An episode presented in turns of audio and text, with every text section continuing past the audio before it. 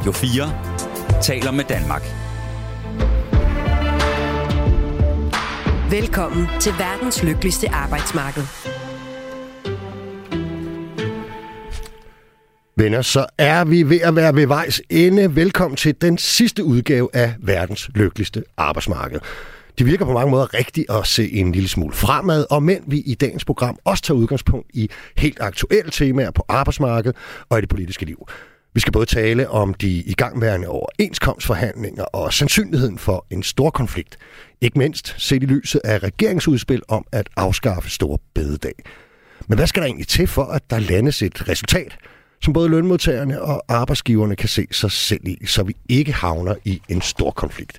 I det hele taget tager vi pulsen på et par af regeringens store projekter den nærmeste tid.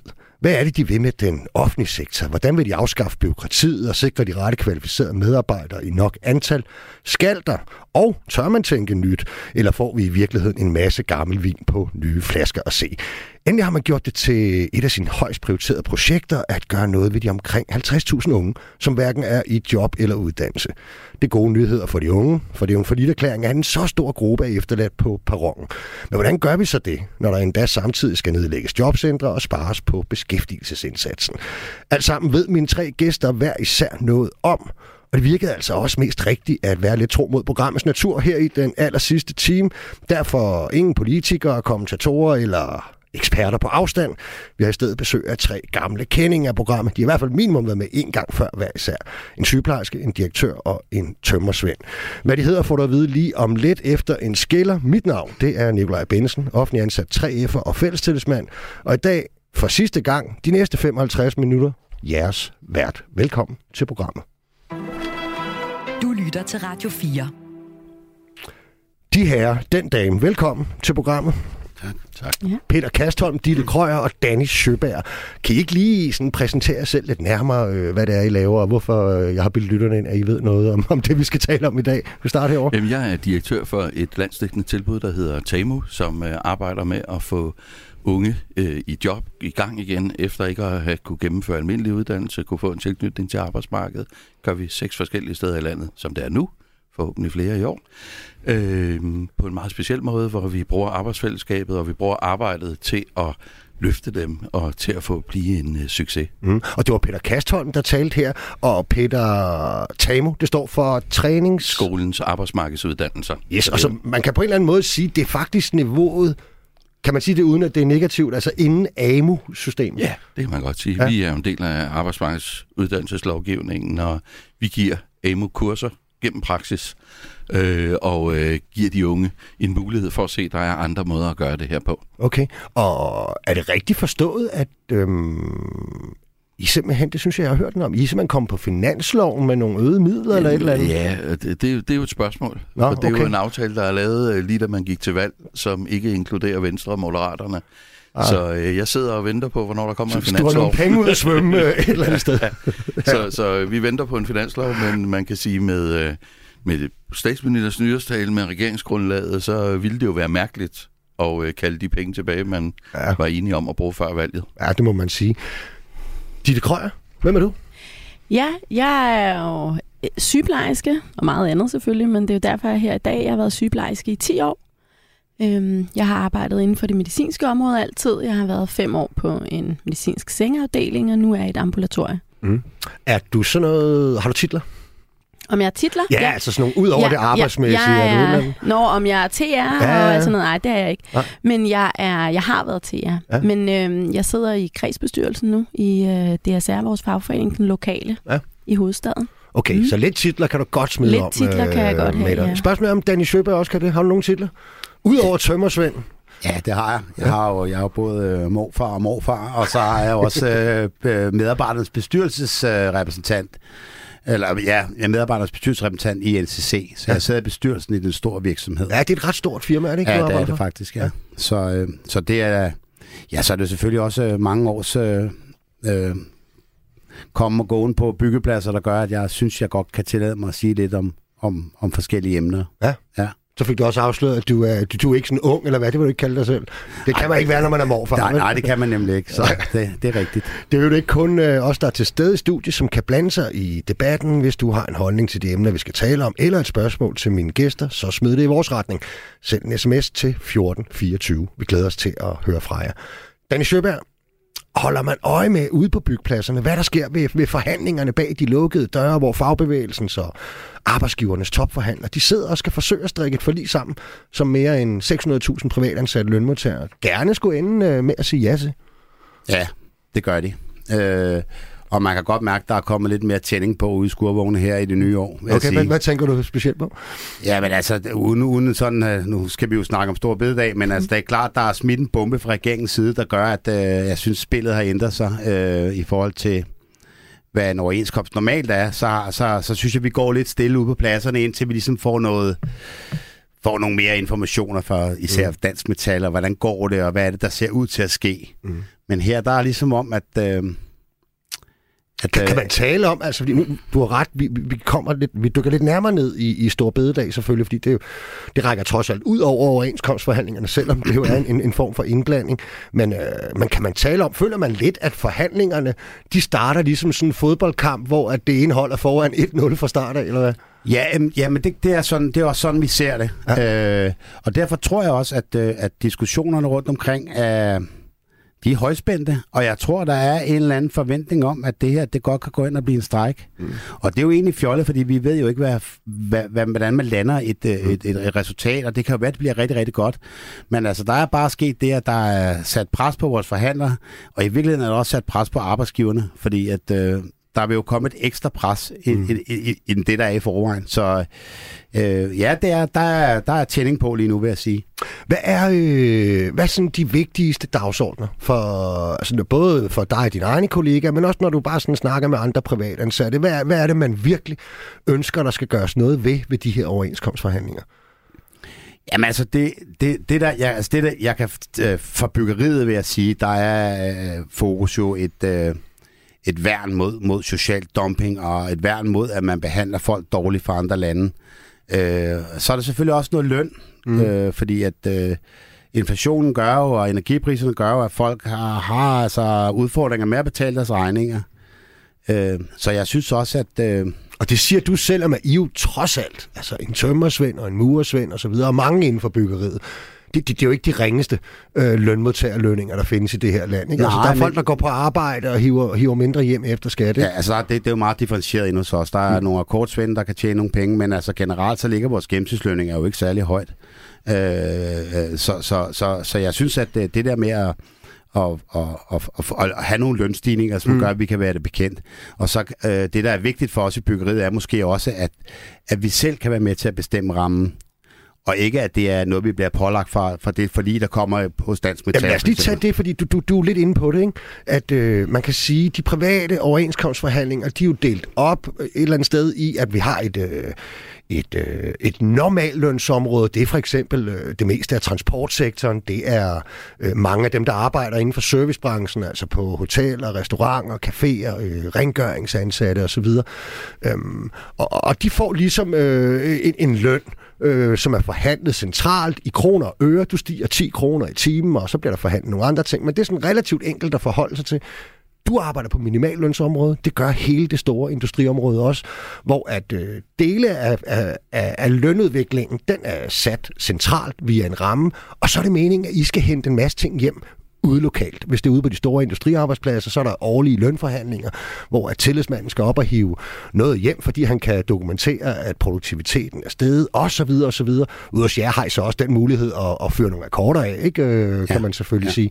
Og, og, og noget af det, du nævner, det er jo, fordi jeres område, mange af, folk inden for byggebranchen, de har altså stemt nej til deres overenskomster de sidste mange år i virkeligheden. Ikke? Ja. Og, og, og hvad er egentlig årsagen til det, når samtidig at, at dem fra industriområdet har stemt ja? Jamen, jeg, jeg tror simpelthen, altså, grunden til det er, er, er, er fuldstændig enkelt, øh, og det er jo, at øh, jeg tror ikke, at man kan lave en, en, en, en overenskomst, der hedder one size fits all. Mm. Altså, det kan man simpelthen ikke, fordi man kan selvfølgelig godt finde ud af en ramme med arbejdsgiverne om, hvad skal en overenskomst koste, Øh, men, men, men hvad vi bruger pengene på, det er, det er jo det, der er vigtigt for mig, er jo ikke øh, vigtigt for en sygeplejerske mm. øh, eller, eller for en blinkenslager for den sags skyld. Så derfor er det vigtigt, at, at, øh, at vi selv kan være med til at bestemme, så vi ikke bliver pålagt et eller andet, der er lavet mm. fra, fra, dansk industri, eller fra industriens øh, forhandler.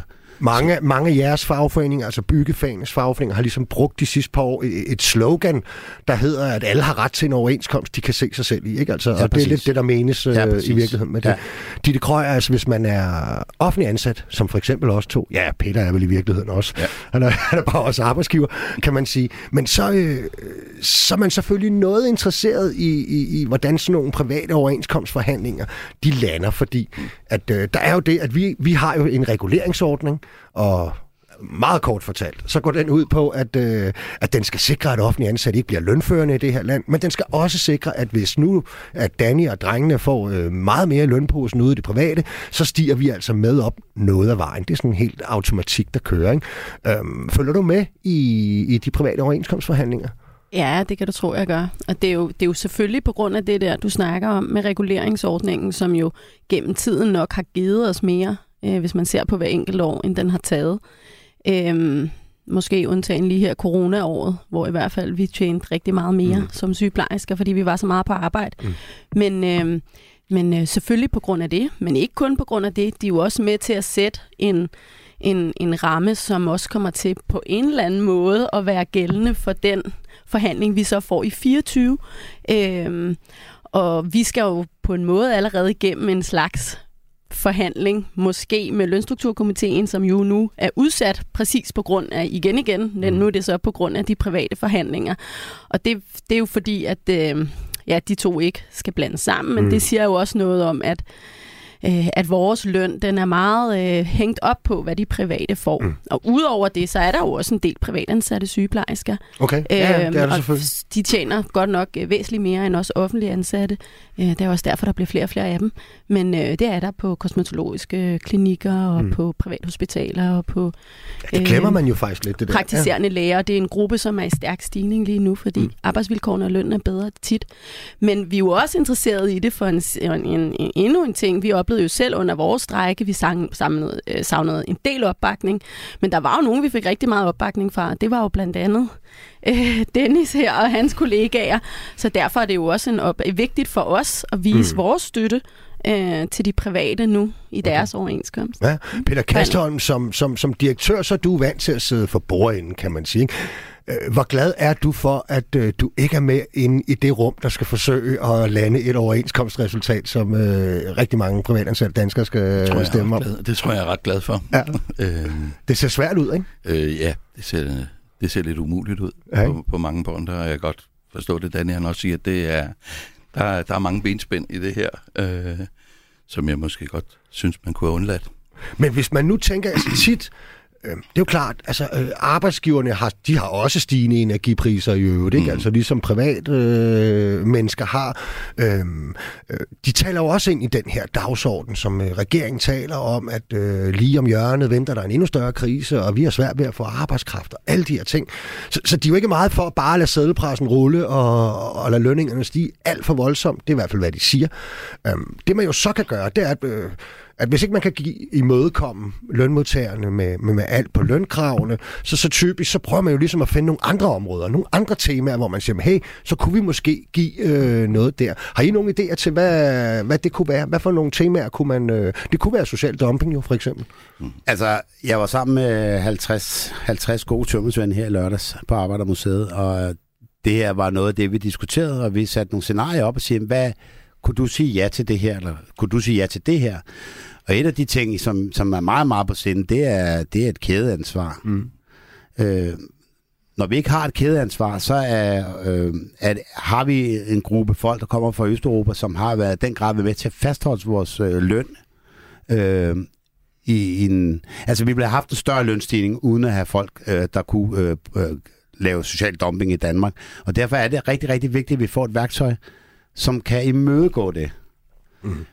Om man så skal sige 6, 8, 10, 12 procent på en overenskomst, det, det kan selvfølgelig altid være sådan lidt. Men jeg ved jo, at for 14 dage siden, der lavede de nord, nordtyske øh, metalarbejdere en overenskomst, der lå på 12 procent plus de fik et skattefrit øh, beløb øh, til, her nu til at imødegå inflation på 3.000 euro. Mm. Det er altså, de er jo ikke øh, hårdere ramt eller mindre ramt, end de danske virksomheder mm. er. Så der er jo en eller anden vilje fra arbejdsgiverne til altså også at gøre, at gøre noget. Vi ser det også på privat virksomheder herhjemme der har givet lønstigninger her, tænker jeg på øh, Grundfos. Og... Jo, og man kan vel også sige, at ja, det ser vi blandt andet, ja. og man kan vel også sige, at arbejdsgiverne ved jo trods alt også godt, at hvis vi skal holde gang i forbruget, så kræver det selvfølgelig især de lavt lønnede lønmodtagere har nogle penge at bruge.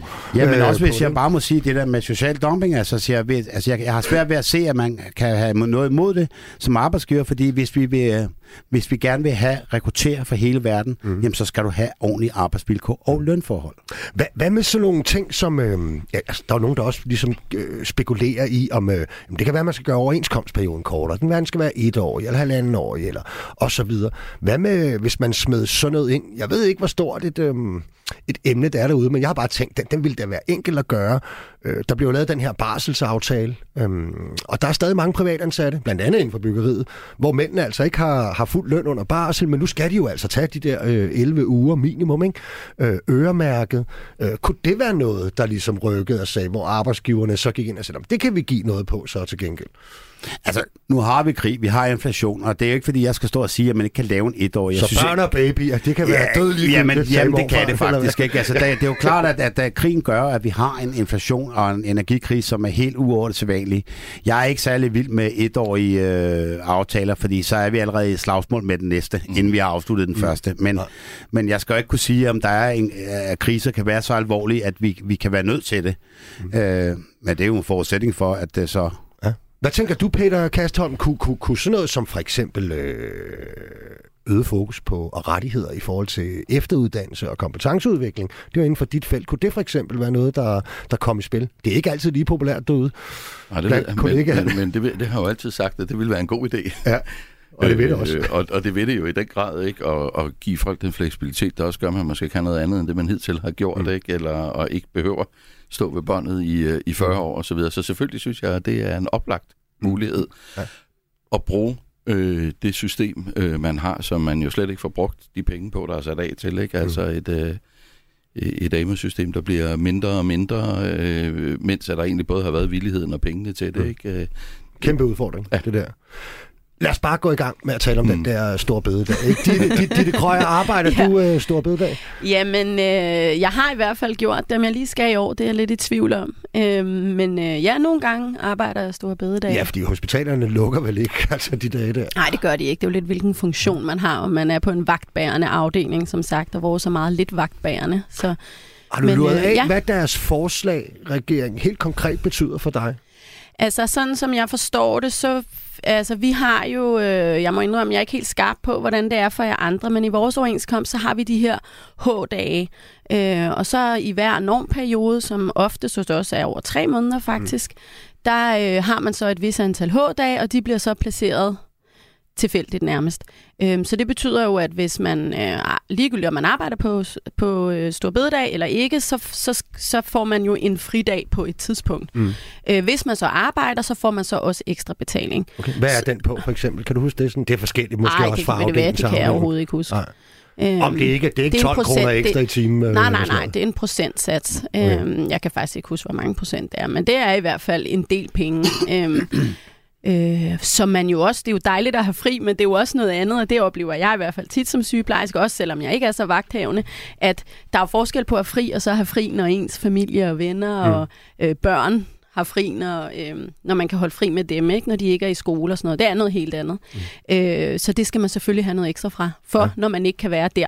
Så det vi ville, eller jeg ville miste, det var jo, hvis jeg skulle på arbejde, så ville jeg miste øh, det, det tillæg, som jeg vil få, det vil sige, at jeg ville faktisk gå ned i løn. Mm. Øh, det andet, jeg ville miste, det er jo selvfølgelig en fridag. Mm. Så får, så vidt jeg har forstået, så får man nogle flere feriepenge, eller hvordan det er, sådan så, at man får noget kompensation.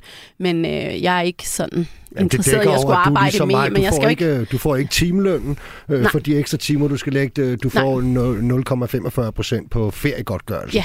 Og det er jo ikke øvrigt altid for alle grupper i hvert fald helt det samme som, øh, Nej, som og, timelønnen. og under alle omstændigheder, så synes jeg, at øh, især for mig, jeg har to små børn, og nu går den ene i skole, så man kan ikke bare lige holde fri, når man vil, mm. så er friheden meget dyrbar. Og det kan vi jo også se på sygeplejersker. Rigtig mange sygeplejersker arbejder jo meget over de 37 timer, de er ansat til, ved at tage ekstra vagter og kan tjene kassen, men det er faktisk ikke det værd. De vil hellere have mm. friheden sammen med deres familie. Rigtig mange, Danny Søberg, inden for byggeriet, de får også øh, tillæg for arbejde på, øh, på Stor Bededag. Øh, jeg så sådan en oversigt, hvor blandt andet, øh, men de har det jo altid meget godt, kan vi ikke blive enige om det murerne? Altså med murerne, det er altså helt op imod godt, ja. 2.000 ekstra kroner øh, for den dag, øh, de får. Så det er, jo, det er jo en betragtelig lønnedgang, må man sige, hvis det er bare med et pennestrøg øh, er væk. Er det mest for jer i byggeriet, som jo oftest trods alt arbejder mandag til fredag, fri i, i weekenderne, er det mest en stjålen fridag, eller er det, at man mister tillæg? Øh, er det løndelen, eller er det fritidsdelen? Ej, jeg synes, det, det er to ting. Jeg vil, altså, jeg vil godt lige supplere det, som Ditte sagde, fordi hun sagde det fuldstændig korrekt. Det er en fridag. Det er en fridag, som vi mister, og man har helt glemt, hvad det er, betydningen af en helligdag er. Det er den dag, du er sammen med din familie og dine børn. Det er, den, dag, du, det er den store bededag. Det er den, du tager for forlænget weekend øh, med din kæreste. Det er der, du gør alle de ting efter en lang vinter, hvor vi alle sammen glæder os til de her helligdage.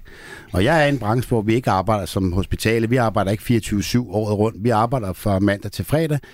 Øh, så, så man kan sige, at vi mister en fridag. Men det vi også mister, det er, at hvis nu mester vil have at gå på arbejde, så får jeg 100% Mm. oven min løn for at gå på arbejde. Og det er jo noget, der er tilkæmpet på overenskomsterne. Mm. Så derfor synes jeg, det er sådan noget, der er kommet som en tyv om natten og, og tager nogle penge. Mm. Ligesom der bliver taget en, en dag fra sygeplejerskerne mm. i afspacering, eller hvad man kan kalde det. Ikke? Så, så, så det er, det, jeg synes, det er to spor. Men jeg skal ikke, man skal ikke glemme det her, det er en fridag som mm. vi har behov for, og, og, og jeg vil sige, uden at sammenligne, øh, altså hvis ikke øh, ligesom Gud havde lavet de her helligdage til os, inden fagbevægelsen kom til, og nu skal jeg ikke sammenligne de to ting, men, men så har fagbevægelsen været nødt til at opfinde de her helligdage, Mm. de fridage. Så kan man måske Man, fordelt... man kan i hvert fald sige, at det lykkes regeringen, har man nærmest indtryk af, at lægge sig ud med, ja, i bogstaveligste forstand, øh, Gud og hver mand. Ikke? Ja, det er altså, den er, mand, den er ja, meget præcis. bred, den modstand, der Ja, er mod, øh, ja, det mod det her. Øhm, og og det skyldes selvfølgelig både diktatet om højere arbejdstid, det skyldes meget konkret, at nogen mister penge, øh, meget konkret, at nogen skal arbejde en ekstra dag, øh, og i forvejen synes de arbejder på meget skæve tidspunkter, væk fra familie osv. Men hvor meget tror du, Peter Kastholm, at, altså, og de rasler jo ned i meningsmålingerne, øh, øh, regeringsstøtten, ikke? Over 450.000 danskere, det er vist nok Danmarks rekord, har skrevet under på rekordtid øh, på, et, øh, på en protest mod det her. Hvor meget tror du handler om, om processen? Altså, hvor meget handler det om, at det var lige nu op til overenskomstforhandlingerne, hele sammenkædningen med øget forsvarsudgifter, og i øvrigt samtidig med, at man øh, et par dage før havde meddelt, at man ville give topskattelettelser? Jamen, jeg, jeg, jeg skal jo ikke gøre mig klog på det, men... men Du må øh, godt lege jeg, kommentator. jeg, jeg, jeg, tror, jeg, jeg tror, der er meget strategi i det her, og øh, jeg tror, der er meget øh, spil i det her. Øhm, og, øh, og, og sådan dybest set kan jeg ikke se, der er så meget at hente her, fordi øh, det, det, det kommer ikke til at indbringe de milliarder, man tror. Øh, og øh, det kan de jo ikke være ubekendt med, at det ikke kommer til. Der er i hvert fald flere Øh, økonomer, der, der mener, ja. at det ikke vil. Blandt Og- andet overvismanden. Øh, Ja, og, og så synes jeg jo helt, uh, signalet om, at, uh, at vi nu har vi jo i årtier snakket om at arbejde smartere i stedet for over og mere, så jeg synes jo meget, det bliver sådan en 80'er 90'er dagsorden mm. om, at nu skal vi bare banke igennem alle sammen. Ikke? Så, uh, så, så jeg tror, der er meget strategi, der er meget psykologi i at forvente os mm. til den her krisesituation nok ikke lige går over i, uh, to, uh, i 2023.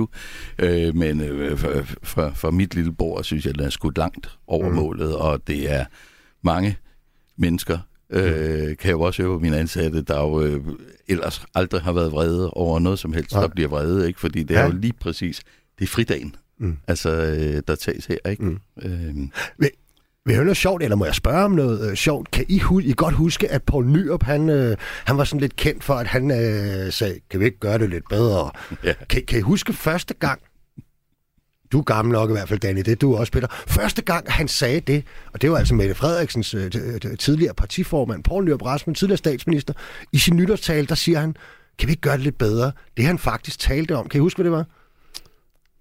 Nej, nu bliver jeg sgu i tvivl. Ja, men det har jeg nemlig læst lidt op på. Ikke? Ja. Og det han faktisk talte om, det var, at øh, vores arbejdsliv var blevet for presset. Ja. Vores dagligdag var blevet for presset. Måske arbejdede vi i virkeligheden for meget.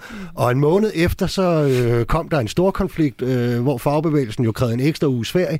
Øh, arbejdsgiverne ville ikke give noget. Så var der en stor konflikt. Ny opgreb ind og gav så faktisk to feriefridag, som så sidenhen er blevet til den 6. ferie. Ikke? Ja. Den seneste arbejdstidsnedsættelse, øh, der har været i Danmark. Ikke? Og jeg synes bare, der er noget paradoxalt og interessant over, at det var en tidligere socialdemokratisk formand, som det han var kendt for at sige, kan vi ikke gøre det lidt bedre? Mm. Der talte han faktisk om mere fritid og ja. frihed væk fra arbejde. Altså, jeg arbejder jo med mennesker med type 1-diabetes, som er en autoimmun sygdom, som rammer helt tilfældigt, og øh, jeg snakker selvfølgelig med dem om deres behandling, de mennesker, der har den sygdom, men jeg snakker også med dem om rigtig meget andet, som har indflydelse på deres behandling, og det er jo blandt andet deres stresstilstand generelt. Mm. Og det er jo så alle slags mennesker, jeg møder fra 18 år og deroppe efter, og det er det er meget rammende, hvor mange, som er stresset af deres arbejdsliv. Altså, ja. det, er, det er helt ekstremt. Og det er folk i alle brancher, altså i hjemmeplejen, selvstændige, det er øh, øh, også øh, altså lønmodtagere på, med akademisk baggrund og håndværkere, og mm. der, der,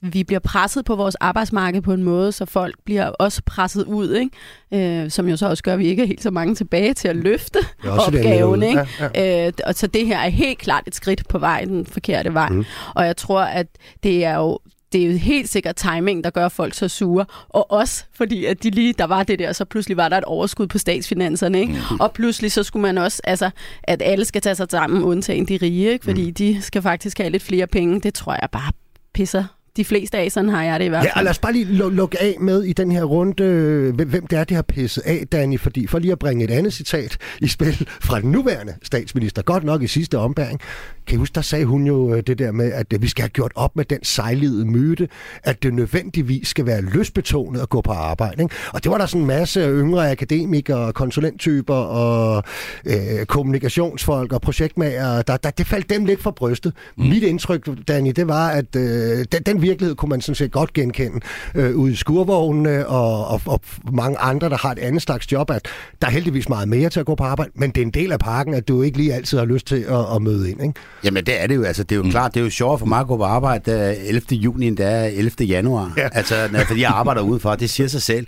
Men, men jeg synes måske også, hun taler lidt ned, fordi altså, jeg, jeg er enormt glad for at gå på arbejde. Mm. Men jeg er så også enormt glad for at have fri. Ja, ja. Og det skal man altså også huske på. Og, og det, det, det, der er det her, det er simpelthen det er de der argumenter, de har brugt for at fjerne den her store bededag, som er i mine øjne forrygte.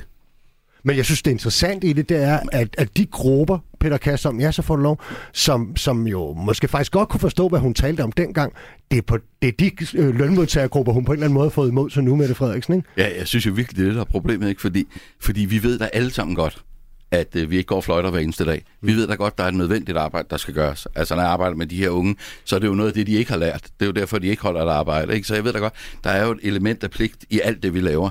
Øh, og jeg synes, der bliver snakket ned til os, hvis man oversætter, at, at vi ikke ved det, eller man er nødt til at fortælle os det. Det ved vi da godt. Altså.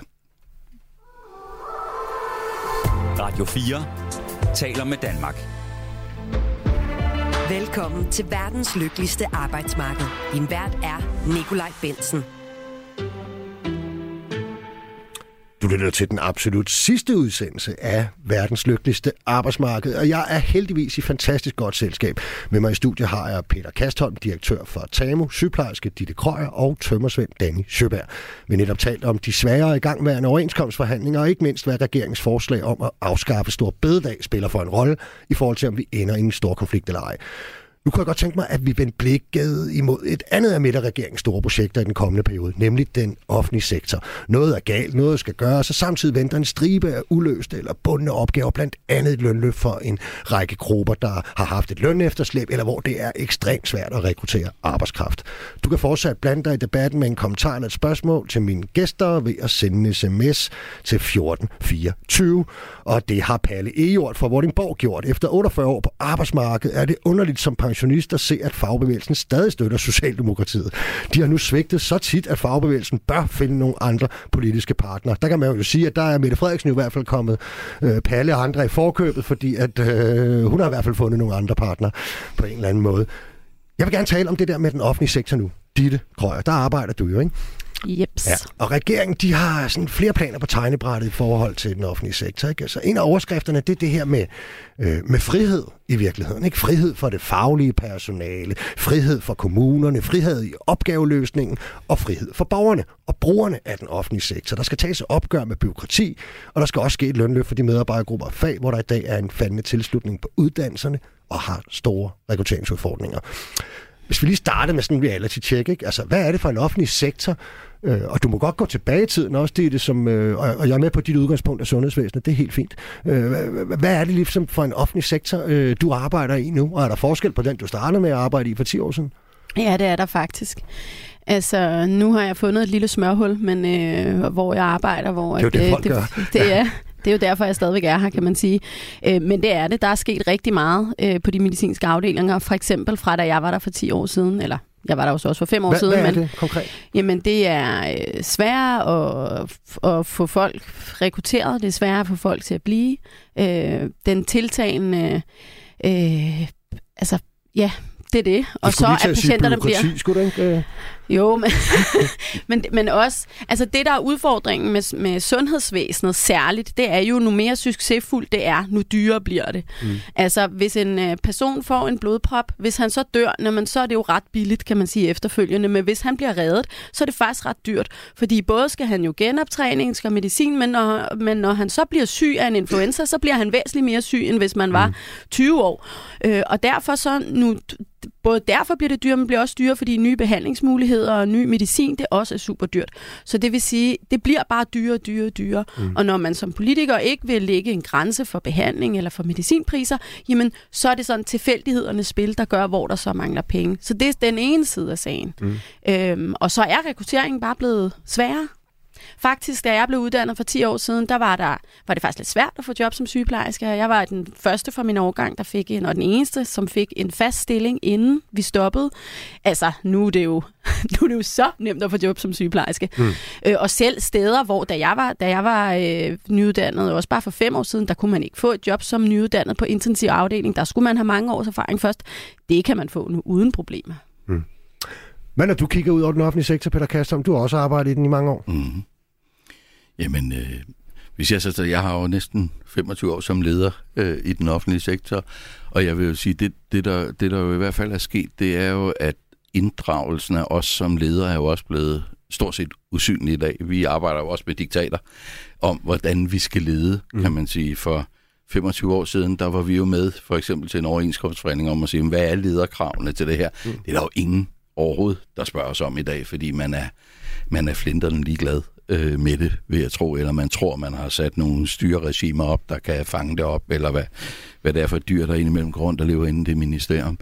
Øh, Øh, og det, det synes jeg er den ene del af det. Og så synes jeg, sådan, det har jo vekslet med, om man har stolet på vores faglighed, eller ikke har stolet på mm. vores faglighed. Ikke? Og noget af det har været velbegrundet øh, i sådan den der undervisningsmæssige sektor, øh, fordi vi også selv har været utroligt dårlige til at sige, hvad er det, vi laver, og hvorfor laver vi det.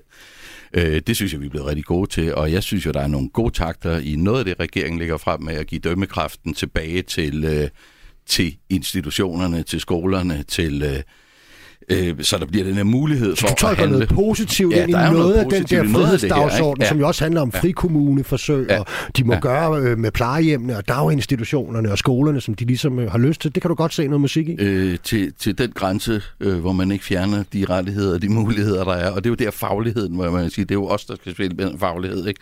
Mm. Hvis det betyder, at man kan lade være med ordblinde, ordblinde screene, så synes jeg, det er godt nok en, en trist måde at bruge sin, øh, sin frihed på. Ja.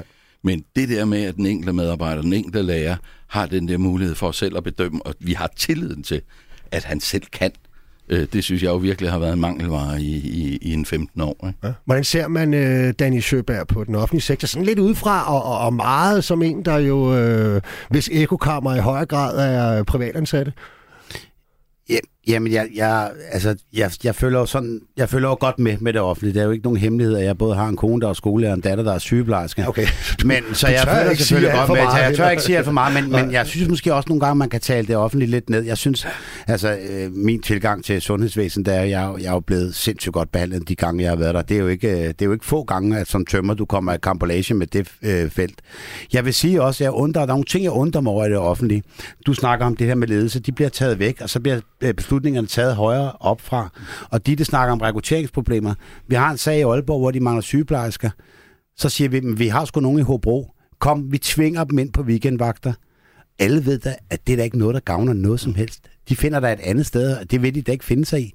Tvang er der ikke en måde at gøre det på. Men der er jo en leder længere op i systemet, der har taget en beslutning, og tænker, at jeg løser rekrutteringsproblem ved at tvinge nogen rundt i landet. Mm. Altså, altså derfor tror jeg bare, at, øh, at det er måske i virkeligheden det, der er problemet. At man skal have ledelsen ned på, de, øh, på, på et lavere niveau, eller der på afdelingerne. Eller man skal, og det, måske er det det, der mangler. Måske mangler vi tillid til hinanden efterhånden. At der er skabt en mistillid, som egentlig ikke burde være der. Det har vi jo snakket om i mange år også, Ditte, det her, der har sågar været øh, både kommissioner og reformer, der har heddet tillid det ene og det andet og det tredje og det fjerde. Ikke? Øhm, hvor meget, når man sådan går rundt øh, ude på gulvet, lad os bare mm. kalde dig for en, der gør det. Mm. Altså, hvor, hvor, hvor det gør jeg da. Ja, men det er jo det. Og hvor, og, hvor opstemt... Jeg, jeg må indrømme, jeg er måske blevet lidt kynisk og gammel, altså, men jeg, jeg, jeg hvad kan man sige, der er ikke så meget, der strider på mig, når jeg hører de der udtryk og ord. Og jeg holder ikke vejret, mens jeg venter på øh, nye forkromede forbedringer. Vel, øh, hvordan, hvordan har du det, når, når de går i gang med at tale om politikere? Nu skal vi nok øh, få afskaffet byråkratiet, og nu laver vi en ny tillidskommission og tillidsreform. Altså, det, jeg synes, det er som om, de ikke har forstået noget som helst, for mm. at være helt ærlig. Altså, øh, at det her med, at vi ved jo godt, hvad det er, det handler om. Altså, vi ved godt, hvad det er, der skal til. Jeg kan ikke, faktisk ikke forstå, hvorfor de skal til at lave en ny kommission. Det lyder mere som om, at de ikke kan blive enige mm. internt i regeringen, og så har de brug for at lave en ny kommission. Og det er jo, kan man sige, er der noget galt? Det er der nogle eksperter, der kigger på det. Ja, fordi det tager tid. Øh, det tager rigtig lang tid, og, øh, og jeg er da rigtig glad for, at du ikke mærker så meget. Altså Dennis, for eksempel, at der er, øh, at de problemer, der er i sundhedsvæsenet, men, men når man ved noget om det, og når man ser ind bagved, så, så er det meget alvorlige problemer, og det er sådan, øh, at der, der er mennesker, der dør i dag på grund af, at, øh, Som at der er for få. for år siden? Ja, det, var, det er der. Øh, og vi ved, at antallet af sygeplejersker uddannede sygeplejersker er lige, det ved vi fra international forskning, er, er lige med større overlevelse på en afdeling. Mm. Når du fjerner sygeplejersker fra en afdeling, og der er færre, så stiger dødeligheden. Det er den, det er den, det er den vigtigste faktor faktisk for at, øh, at, at, øh, at mindske dødeligheden i stedet, det er, at der er nok sygeplejersker. Mm. Så det er super alvorligt. Men det er også noget med at sige, øh, altså for eksempel så har jeg en, øh, en gammel kollega, som jeg mødte til et arrangement, som også er diabetessygeplejerske, ligesom mig, og hun arbejder så på Slagelse sygehus, og der havde de lige præcis gjort det her, de havde sagt til øh, ambulatoriesygeplejerskerne, altså dem, der arbejder bare i dagtiden, som er specialister i diabetes. Det tager rigtig mange år op den. Og, og, og lære, det er ikke bare noget, man læser i en bog, det er noget, der tager mange år mm. at, at blive oplært i. Øh, der havde de sagt, nu skal I gå op på hjertemedicinsk afdeling, og der skal I være hver fjerde weekend. De ved ikke noget om det, så tager har du så nogle øh, plus 50-årige kvinder, som er super dygtige og siger, nu skal du gå derop. Du får ikke nogen oplæring, og du ved ikke noget om det, og så skal du køre det her tempo, og faktisk ikke rigtig til nogen hjælp. Og hvad gør de? De siger op, så er der øh, øh sygeplejersker med 30 års specialisering, som så finder et andet sted, fordi det er så nemt at få job. Mm. Og det øh, også, jeg har også en anden kollega, en børnesygeplejerske, som nu har sagt op, øh, og for at have fået job i et medicinalfirma i stedet for, ikke med at lave nogle særlige diabetes-ting. Og det, så det jo, så det er, øh, øh, ja, så den specialisering, som sker, og det ved jeg faktisk også har været på et afsnit, hvor at der var ret meget udskiftning, den specialisering og den faglighed, der kommer, som jo i den grad kommer patienterne til gode, den forsvinder, øh, når der ikke er mm. plads mm. til den, øh, og når folk siger op. Hvorfor tror du, Dani, altså man kan sige, de to grupper på henholdsvis primært det offentlige og det private arbejdsmarked, som, øh, hvor vi virkelig kommer til at mangle folk i fremtiden, og i dag allerede mangler dem øh, rigtig mange steder. Og oven i hatten, øh, desværre er lykkes med at få færre unge til at vælge de uddannelser, det er jo øh, de erhvervsfaglige, og det er øh, de klassiske velfærdsuddannelser, sygeplejerske, pædagog, øh, øh, sosu og så videre. Øh, hvor, hvorfor tror du, at der er øh, at der er færre unge, der vil, vil vælge det arbejdsliv, som for eksempel øh, Ditte har? Jamen, jeg tror, Eller din datter ja, ja, og din kone? Jeg tror, Ditte siger det jo rigtigt her. Øh, hun siger det rigtigt. Altså hun forklarer hvor, hvor stressende det er. Mm. Og, og, og, og det er det jo at være sygeplejerske. Og især hvis du bliver sat på en afdeling, hvor du ikke har nogen forudsætninger for at løfte opgaven. Øh, så det, Det er jo klart, altså det, det, det ansvar er der jo ikke nogen, der kan, det er der ikke nogen, der vil have. Og i min branche, jamen, der har vi jo problemer med at rekruttere, fordi at øh, folk bliver nedslidt. Vi har mange ulykker. Altså vi har faktisk, øh, vi står for en femtedel af alle dødsulykker, selvom vi kun udgør 6% af lønmodtagerne. Mm. Og så det uden ulykker, det er dødsulykker, ikke? Øh, så, så, så ja, øh, der er måske en grund til, at man ikke vælger øh, det der, øh, hvad skal man sige. Men jeg vil også bare lige anholde det der med, at, at nogen går rundt og tror, at fordi det er privat, så er vi bare mere effektive, end det er i det offentlige. Altså, det, det, det, det, det er simpelthen ikke rigtigt. Okay. Altså, store virksomheder og store, altså, det behøver ikke være mere effektivt. Jeg oplever, at, der, at det er, ja, måske har man prøvet at effektivisere det offentligt så meget, som man egentlig har ødelagt det til sidst. Mm. Altså, det er måske det, der er galt. Øh, øh, så, så, så jeg tror, at øh, man skal passe lidt på med den her effektivisering. Og jeg mangler nogen, der kan komme med nogle helt klare, øh, håndfaste, øh, hvordan øh, skal vi gøre det mere effektivt. Fordi mm. selvfølgelig skal vi altid gøre tingene Du effektivt. står og nikker dit.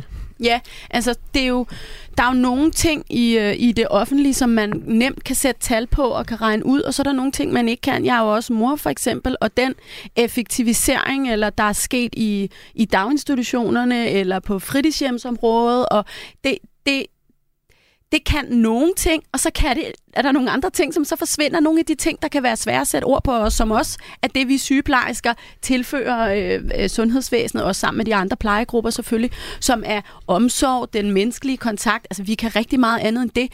Men det der med at se det hele menneske, være rundt, være blæksprut imellem alle de forskellige opgaver, der skal varetages for en, for en der er syg, eller og så videre. Så, så Øhm, så det, det er jeg helt enig Men, med. men, men nu, nu snakker du meget om, hvad kan man sige, øh, det, det hektiske arbejdsmiljø og de der ting. Og så derfor bare lige her til sidst i, i, i den her runde. Der er jo den her øh, lønstrukturkomité, der ligesom Ja. skal komme med deres bud på, hvem der har størst og, og mindst efterslæb. Regeringen øh, vil nok formentlig øh, ende med at, øh, at, at lave et eller andet, hvor de tilfører nogle midler til overenskomstforhandlinger. De vil så hellere have det over i det spor, der handler om øh, rekrutteringsudfordringer, end, end, end hvem man ligesom kunne synes har fortjent det af historiske årsager. Øh, hvor meget af at problemet med, at så få unge vælger øh, jeres uddannelse og jeres rekrutteringsudfordringer handler om arbejdsmiljøet, og hvor meget handler om løn. Jeg tror, at øh, sådan, ikke, sådan, hvis man skærer det, så tror jeg, at øh, dem, der er ældre end mig, jeg er 38, ikke? dem, der er en ældre end mig, der fylder arbejdsmiljøet rigtig meget. Mm. Øh, og dem, der er yngre end mig, der fylder lønnen rigtig mm, meget. Ja. Og det er, ikke for, det er ikke fordi, at begge dele ikke fylder, men det, det er helt klart, at man vil gerne, det vigtigste for sygeplejersker, det er at få lov at lave god sygepleje. Men, men lønnen fylder mere og mere, og jeg oplever de yngre generationer til at være endnu mere, mere øh, no bullshit-agtige. Hvis du ikke vil give mig nogle ordentlige arbejdsvilkår, hvis du ikke vil oplære mig ordentligt, hvis du ikke vil give mig en retfærdig løn, jamen så fuck ja, fuck det danske sundhedsvæsen. Så tager jeg til Norge, så bliver jeg bare vikar, så malker jeg bare systemet på min egen måde. Og det, øh, det, det, det er det, vi ser frem i. Okay. Rasmus Kaiser, han synes, det er mærkeligt, at der er så mange sygeplejersker, der er på deltid, og han synes også, at det er mærkeligt, at det her program, det stopper lige så tæt på overenskomstforhandlingerne, men vi er her altså lige et lille kvarter endnu, og jeg kunne godt tænke mig at snakke om noget andet også. Øhm, og det er jo, der er vi over i din verden, Peter Kastholm. Øhm, det er jo sådan, at den her gruppe af, af, af, af unge, hvis det er dem under 24, så snakker vi op imod 50.000 unge, øh, som hverken er i job eller uddannelse. Der synes jeg godt, man må, må, må anerkende, at den her regering har gjort det til, til, til en form for hovedprioritet, og noget, den i hvert fald gerne vil måles på, om den nu hvad hvad mange andre ikke har kunnet gøre i hvert fald, kan få succes med at få flere af dem, enten i, i job eller uddannelse. Du er som tidligere nævnt direktør i, i TAMO. Øhm, hvad er det, I gør og arbejder med, og i øvrigt gør ret succesfuldt? Jamen, jamen det, vi gør, det vi gør, det er at tage den svageste del af den gruppe, du snakker om, de er blevet 18 år, de er ikke 30 endnu, så vi har faktisk også de 25-30-årige, og hvis vi tager dem med, så er det vel 110, omkring 100-110.000 øh, unge mennesker, der ikke er i gang med uddannelse eller arbejde. Øh, og vi tager den svageste del af dem, det vil sige dem, der ikke kan du til forberedende grunduddannelse, der ikke kunne klare de tilbud, der var på erhvervsskolerne, der ikke kunne klare sig gennem øh, beskæftigelsestilbud. Der tager vi de svageste af dem, laver et etårigt forløb, hvor de reelt lærer at være på en arbejdsplads. Det vil sige, at vi laver praktisk arbejde. Alt foregår gennem praksis. Vi tager AMU-kurser gennem praksis. Det er på byggeområdet, det er på turismeområdet, det er rengøring, det er køkkenkantine, det er jern- og metalindustri, øh, det er ejendomsservice. Mm. Øh, men hvor vi simpelthen lærer dem helt de der basale ting. Hvordan er det at indgå i et fællesskab? Hvordan er det at stå til rådighed for nogen? Hvordan er det at øh, arbejde under ledelse, hvordan er det at arbejde sammen med folk, man ikke kan lide, øh, hvordan, altså simpelthen alt det, som man kan sige. Nogle er, nogle er så heldige at være opdraget, andre er blevet opdraget på arbejdspladsen øh, ved at komme i lærlingeforhold i, i et tidligt tidspunkt, men det er jo forsvundet for den her gruppe. Mm. Og, øh, vi har jo haft nogle årtier, hvor det jo nærmest var forbudt, at en 16-årig skulle ud og have et job, mm. øh, men han skulle tvinges til mere og mere skole og skole og skole.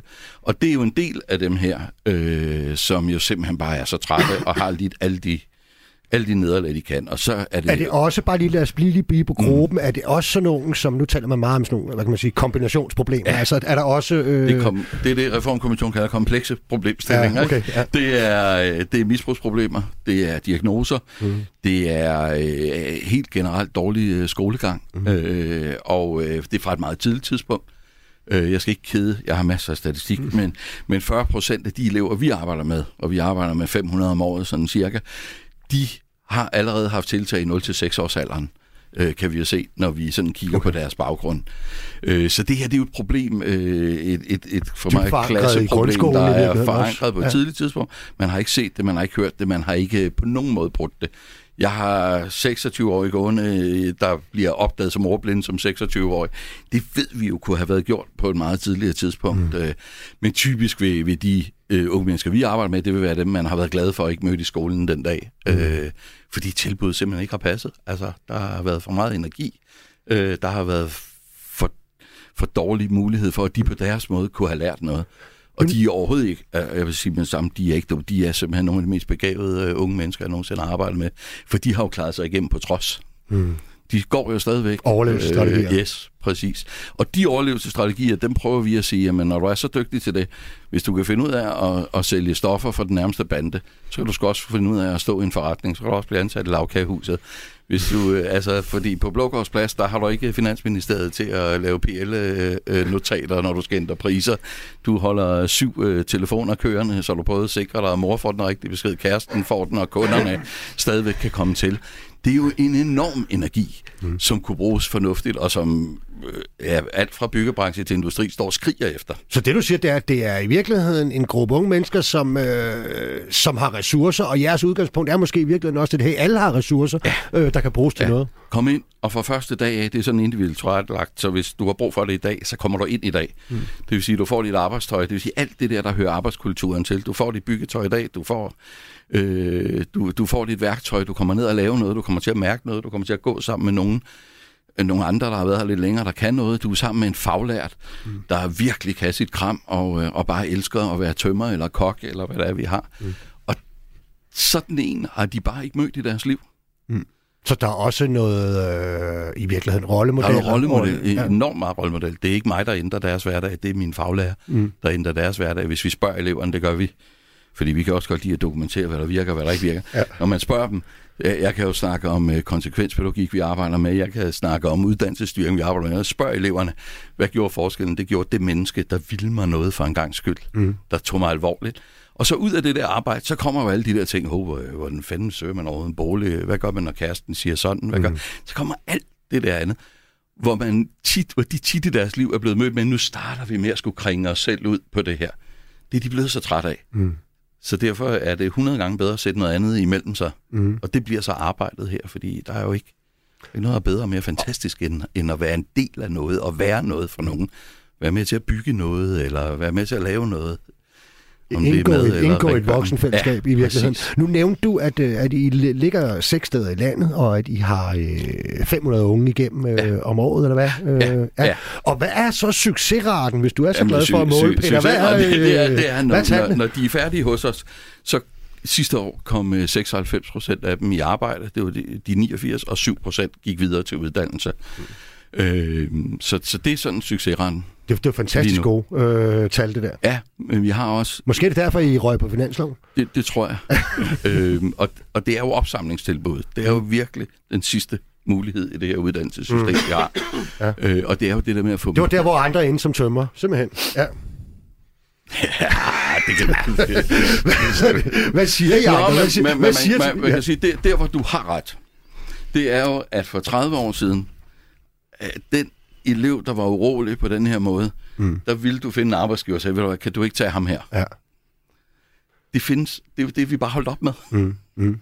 Er det en god pointe? Hvad synes I andre? Hvad synes tømmeren og, og sygeplejersken om, øh, om, om, øh, om, om Peter og Tamus øh, arbejde? Jeg synes jo, det, det virker som nogle øh, fantastisk flotte tal, og, og en meget, meget, meget fed måde at, at få unge mennesker i job og uddannelse på. Altså, jeg har jo fulgt Peter et stykke tid nu her. Øh, Jeg har været heldig at være i radio med ham før, og øh, altså hans succesrate, den, den taler jo sit tydelige sprog. Mm. Så et eller andet sted må de jo gøre noget rigtigt.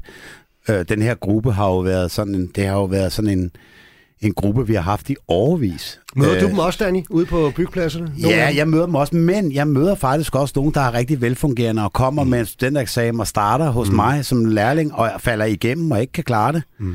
Og så kan jeg godt møde nogen, som var bestemt til ikke at kunne klare det, men som klarer det rigtig fint. Mm. Så, øh, så det, det er, og det er måske det, I kan, Peter, øh, at ligesom finde, hvor folk skal være henne i livet, ikke? Øh, det er jeg ikke så god til, men jeg kan i hvert fald øh, godt håndtere folk med alle mulige øh, issues. Øh, men jeg må bare sige, det, det er fantastisk arbejde. 96 procent øh, får et arbejde, det er, jo- det er jo helt vanvittigt. Hvad tænker du, det? Jeg er da også bare super imponeret. Jeg har ikke hørt om det før. Øh, ja, meget. Og det er da vildt spændende, hvordan man kan hjælpe, hvordan I kan hjælpe nogen ind i det her meget smalle arbejdsmarked, hvor der ikke er plads til særlig mange. Øh, Er, er det en ting, fordi det er jo interessant, du siger det, fordi jeg har jo tænkt meget, at øh, altså, i virkelighedens verden, så har vi ret gode tal også på, på vores arbejdsmarked. Altså, vi har aldrig haft så få på kontanthjælp. Vi har aldrig haft så få langtidsledige. Vi har faktisk lykkedes os de sidste par år at knække den der berømte kurve, der handlede om nogle af de grupper, der var enormt svære at få ind på arbejdsmarkedet. Primært øh, øh, kvinder med anden etnisk minoritet osv. Man, der er lang vej nu, men man har knækket kurven, man er kommet de rigtige steder hen. Tror I, at, øh, at noget af det måske også skyldes, at man faktisk ikke, kan være lidt kætterisk det her, man ikke har lavet øh, arbejdsudbudsreformer, og at arbejdsgiverne har manglet arbejdskraft, både det offentlige og det private, de har været nødt til at være lidt kreative. De har været nødt til at give plads til, til måske nogen, som var blevet sorteret lidt fra før, eller hvad? 100 procent, tænker ja, jeg. Ja, jeg siger, ja. Peter siger Nu ikke siger jeg noget. det sgu alligevel. Ja. Jo, øh, øh, jeg har ikke lavet andet øh, hele mit arbejdsliv end arbejde med den her gruppe, mm. siden jeg fik mit første job i 80'erne øh, på, på alle mulige forskellige lederkanter fra fra narkomanbørn på Vesterbro i, i slut 80'erne mm. og til, til, til, til jeg fandt Tamo for 25 år siden. Øhm, det jeg har oplevet, det er nogle arbejdsgiver, der gør mange flere forsøg. Øh, mm. og er meget bedre til at bruge også deres øh, medarbejdere, øh, folk som Danny, mm. fordi det, det er sgu ikke øh, CSR-politikken, der udløser Nej, det her. nej. det er det med, der er, øh, det, det med, at der er en tømmersvend, der faktisk er interesseret i det her, og er interesseret i, at det her det lykkes. Øh, så, så, så man kan sige, at det der fortsætter med den der interesse for de unge mennesker. Fordi man kan sige, selvom de er øh, marginaliserede, vi kan kalde dem, hvad de vil, så har de jo ligesom resten af ungegruppen den her individopfattelse og mm. lyst til at se sig selv som individer, har mange meninger, øh, har mange, så, så på den måde, så, så ligner de jo fuldstændig resten af ungdommen, og der kan man sige, i, i gamle dage, der var de jo meget mere helt udenfor. Der kunne du jo nærmest se det, når du gik ned af, af, af Vesterbro, hvem, mm. der var, hvem der var med på holdet, og hvem der ikke var. Det kan man jo ikke se længere. Øh, og derfor foregår der jo også mange ting i hovederne på mm. de her unge. Og det der med at have en, en, en, en svend, der tager det her alvorligt, en lærlingeansvar, mm. altså det er jo... K- Kort, det, vi, det kan være, at vi skal tale mere om, øh, hvordan, om, om, om om vores arbejdsmarked er så rummeligt, som vi egentlig går og bilder os selv ind. Nogle gange I har været rigtig gode på sygehusene, for eksempel, til at tage mange grupper af etniske minoriteter ind i forskellige øh, øh, fag der. Øh, er der stadig masser at gøre ved at, at skabe et mere rummeligt arbejdsmarked? Øh, ja, det tror jeg. Altså også et arbejdsmarked, hvor vi ligesom kan holde ud og være i de mange, mange år. Mm. Hvad er det, jeg skal være her til, jeg bliver 73 mm. eller sådan noget.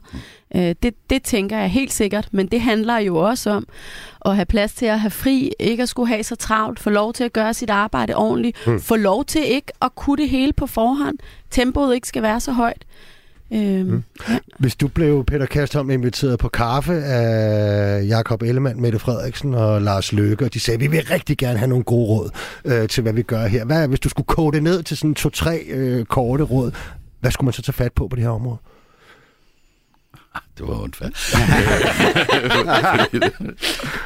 øhm, et, det er det der med at skabe tilliden til det.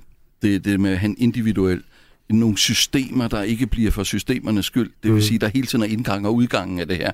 Så du skal ikke vente på næste semester eller næste optagelse, men virkelig have en meget mere fleksibel måde at få folk ind, ind, ind og ud af det her på.